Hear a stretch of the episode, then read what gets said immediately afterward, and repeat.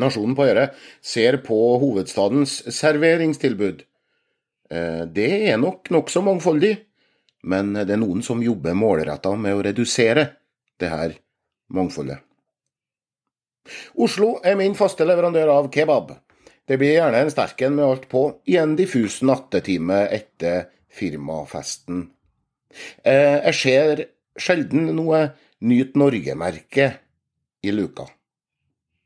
Oslo er også min faste leverandør av nye livsstils- og ernæringsimpulser. Også her kommer det mye rart og importert på markedet. Landets hovedstad styres nå på en byrådserklæring som lover å fjerne 50% av kjøttet fra tallerkenen til Oslos eldre og pleietrengende. Smak på det. Ei gruppe som allerede i stor grad er underernært eller feilernært, må tåle et målretta kutt i matmangfoldet sitt. Byrådet har også starta innføringa av et skolemåltid, hvis eneste krav er at det skal være uten kjøtt. Dette var ikke drøyt nok for uh, Miljøpartiet De Grønne. Nå skal også hovedstadens yngste få sitt mattilbud begrensa. Ikke noe kjøtt til Oslos barnehagebarn. Dette er å latterliggjøre klimaarbeidet, kommenterer økokjendisbonde Tore Jardar Virgenes på Facebook. Han kaller forslaget fra Oslo-byrådet kunnskapsløst.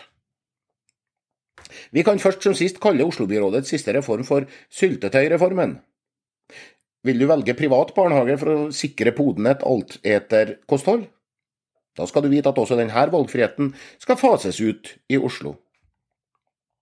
Ute i verden seirer antikjøttindustrien i motvind. Milliardkonsernene som fallbyr hyperprosesserte kjøttkopier som eh, Mond Nissin og Beyond Meat, har stupt på børs.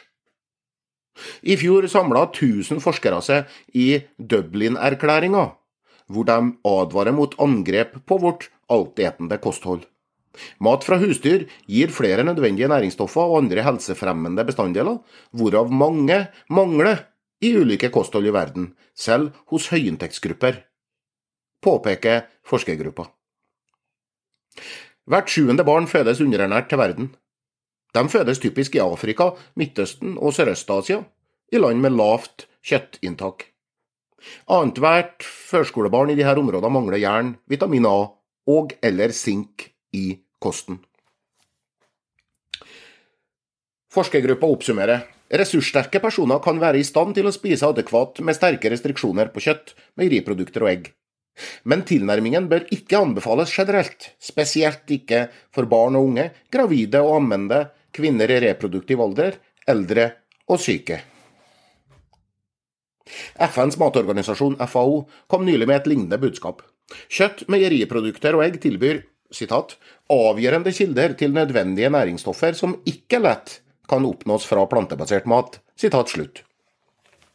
Ikke engang FN har stor nok troverdighet til å unngå anklager om urent forskningsspill. I TV 2 gir norske kostholdsprofessorer applaus eller kritikk fra hvert sitt ståsted. Det samme gjelder for utkastet til nordiske kostråd. Forslaget er 100, 350 gram rødt kjøtt i uka, mot dagens 500 gram. Ekspertisen enten slakter eller hyller. Det er ikke så rart. Ernæringsforskning er metodisk notorisk vanskelig. Personer med vegetarisk eller vegansk kosthold, f.eks., er ofte mer helsebevisste, fysisk aktive og røyker sjeldnere enn andre. Er det da maten, treninga eller fraværet av usunne vaner som avgjør sunnheten? Og hva er studier basert på egenrapportering egentlig verdt? Trolig like mye som meningsmålinger av typen 'Skal du begynne å trene etter jul?' Her er det fritt fram for alle å plukke det man liker, og disse det man ikke liker. For eksempel dyrevernnettstedet Sentient Media, som kritiserer forskerne bak Dublin-erklæringa for, fordi de kommer fra land som produserer og spiser mye kjøtt. I Norge har ernæringsforskere trukket seg fra arbeidet med nye nordiske kostråd, fordi de mener at arbeidet er faglig svakt. Defender of the Kjøttkutt og leder av arbeidet med nye kostråd. Professor Rune Blomhoff mener at vitenskapen bak nye kostråd står fjellstøtt. Vurderinga av hva vegetabilisering av kosten gjør med maten, og den sosiale bærekraften, er ikke gjort, fordi det ikke er bestilt. Vurdering av globale miljøeffekter er derimot bestilt. Mange har spurt hva det har å gjøre med norsk ernæring. Eh, Rune Blomhoff sier at det er fordi at halvparten av maten vi spiser er importert. Altså, verdens klima er relevant, mens verdens matsikkerhet og sosiale forhold er ikke det.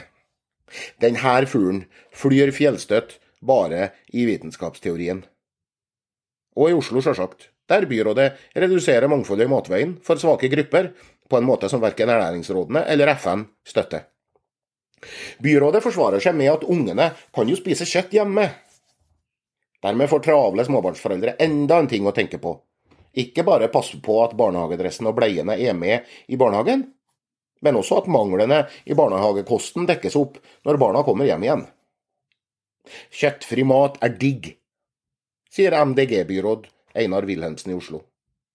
Sauer er ålreite dyr, sa RV-politiker Unni Rystad. Hun ble ikke noen autoritet på ernæring, hun heller.